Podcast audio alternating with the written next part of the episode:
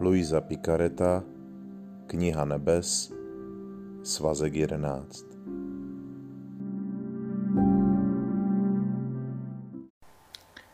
Devátého června 1912 Pro duši, která koná boží vůli a žije v ní, neexistuje ani smrt, ani soud.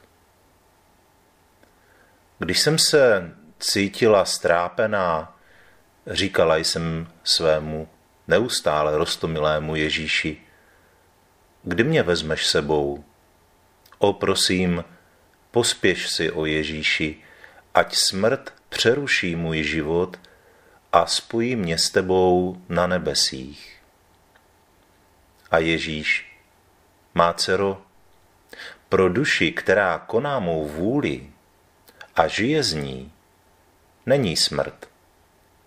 Smrt je pro toho, kdo nečiní mou vůli, protože musí zemřít pro mnoho věcí. Pro sebe, pro vášně, pro zemi. Ale ta duše, která koná mou vůli, nemá pro co zemřít. Už je zvyklá žít v nebi. Pro ní to není nic jiného, než odložit své zbytky jako ten, kdo by odložil šaty chudého, aby mohl nosit šaty královské, aby mohl odejít z exilu a převzít dědictví. Duše, která koná mou vůli, není vystavena smrti, nedostává se jí soudu. Její život je věčný. To, co měla udělat smrt, udělala láska v předstihu a má vůle jí ve mně zcela přeuspořádala tak, že nemám nic, za co bych jí mohl soudit. Proto zůstaň v mé vůli a až to budeš nejméně čekat, odstneš se v mé vůli v nebi.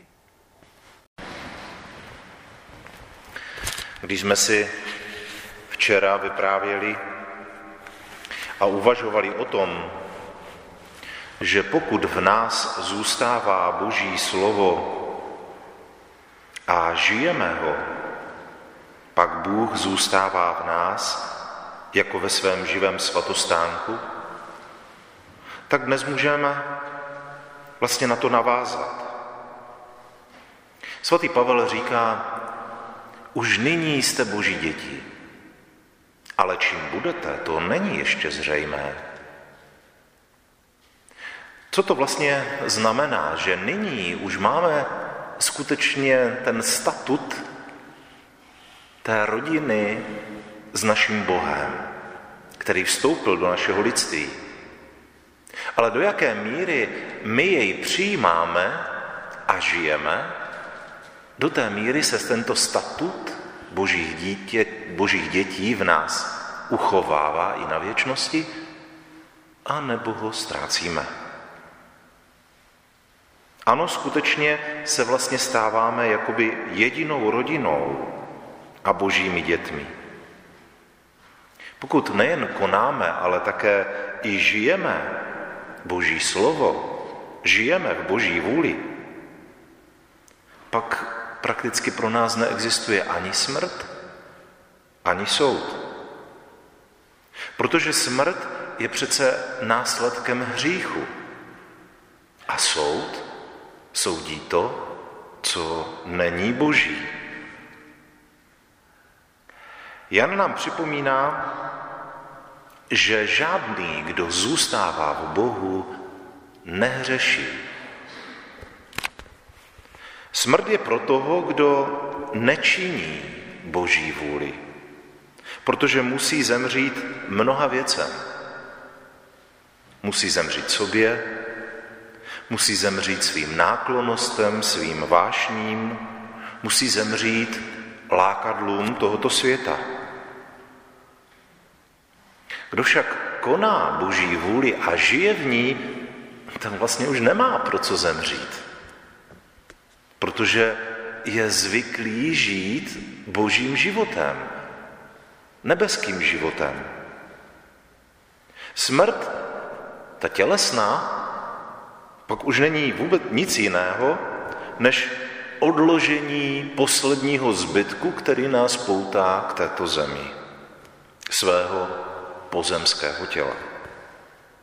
Tak jako odkládá šaty chudák a obléká si královské, jako odchází člověk z vyhnanství a vrací se do svého domova. Proto není už žádného soudu, protože to, co měla udělat smrt, v předstihu udělala láska k Bohu.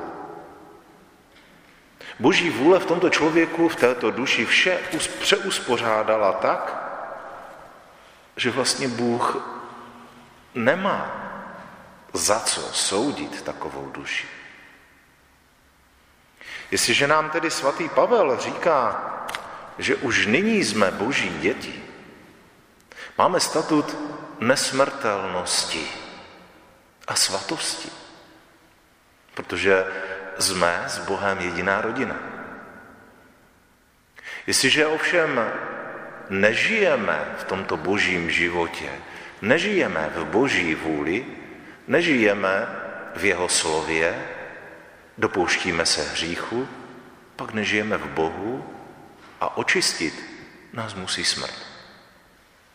Pokud z lásky se očišťujeme k Bohu od tohoto všeho a žijeme nebeským životem, smrt ani soud vlastně nedmají nad námi žádnou moc.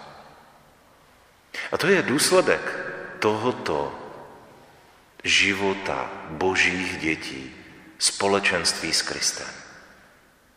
Tak jako Kristus zemřel a vstal z mrtvých, tak každý, kdo žije boží slovo, žije v božím plánu, žije boží vůli, tak vlastně smrt pro něj neznamená konec, závěr, ale přechod do života věčného. Amen.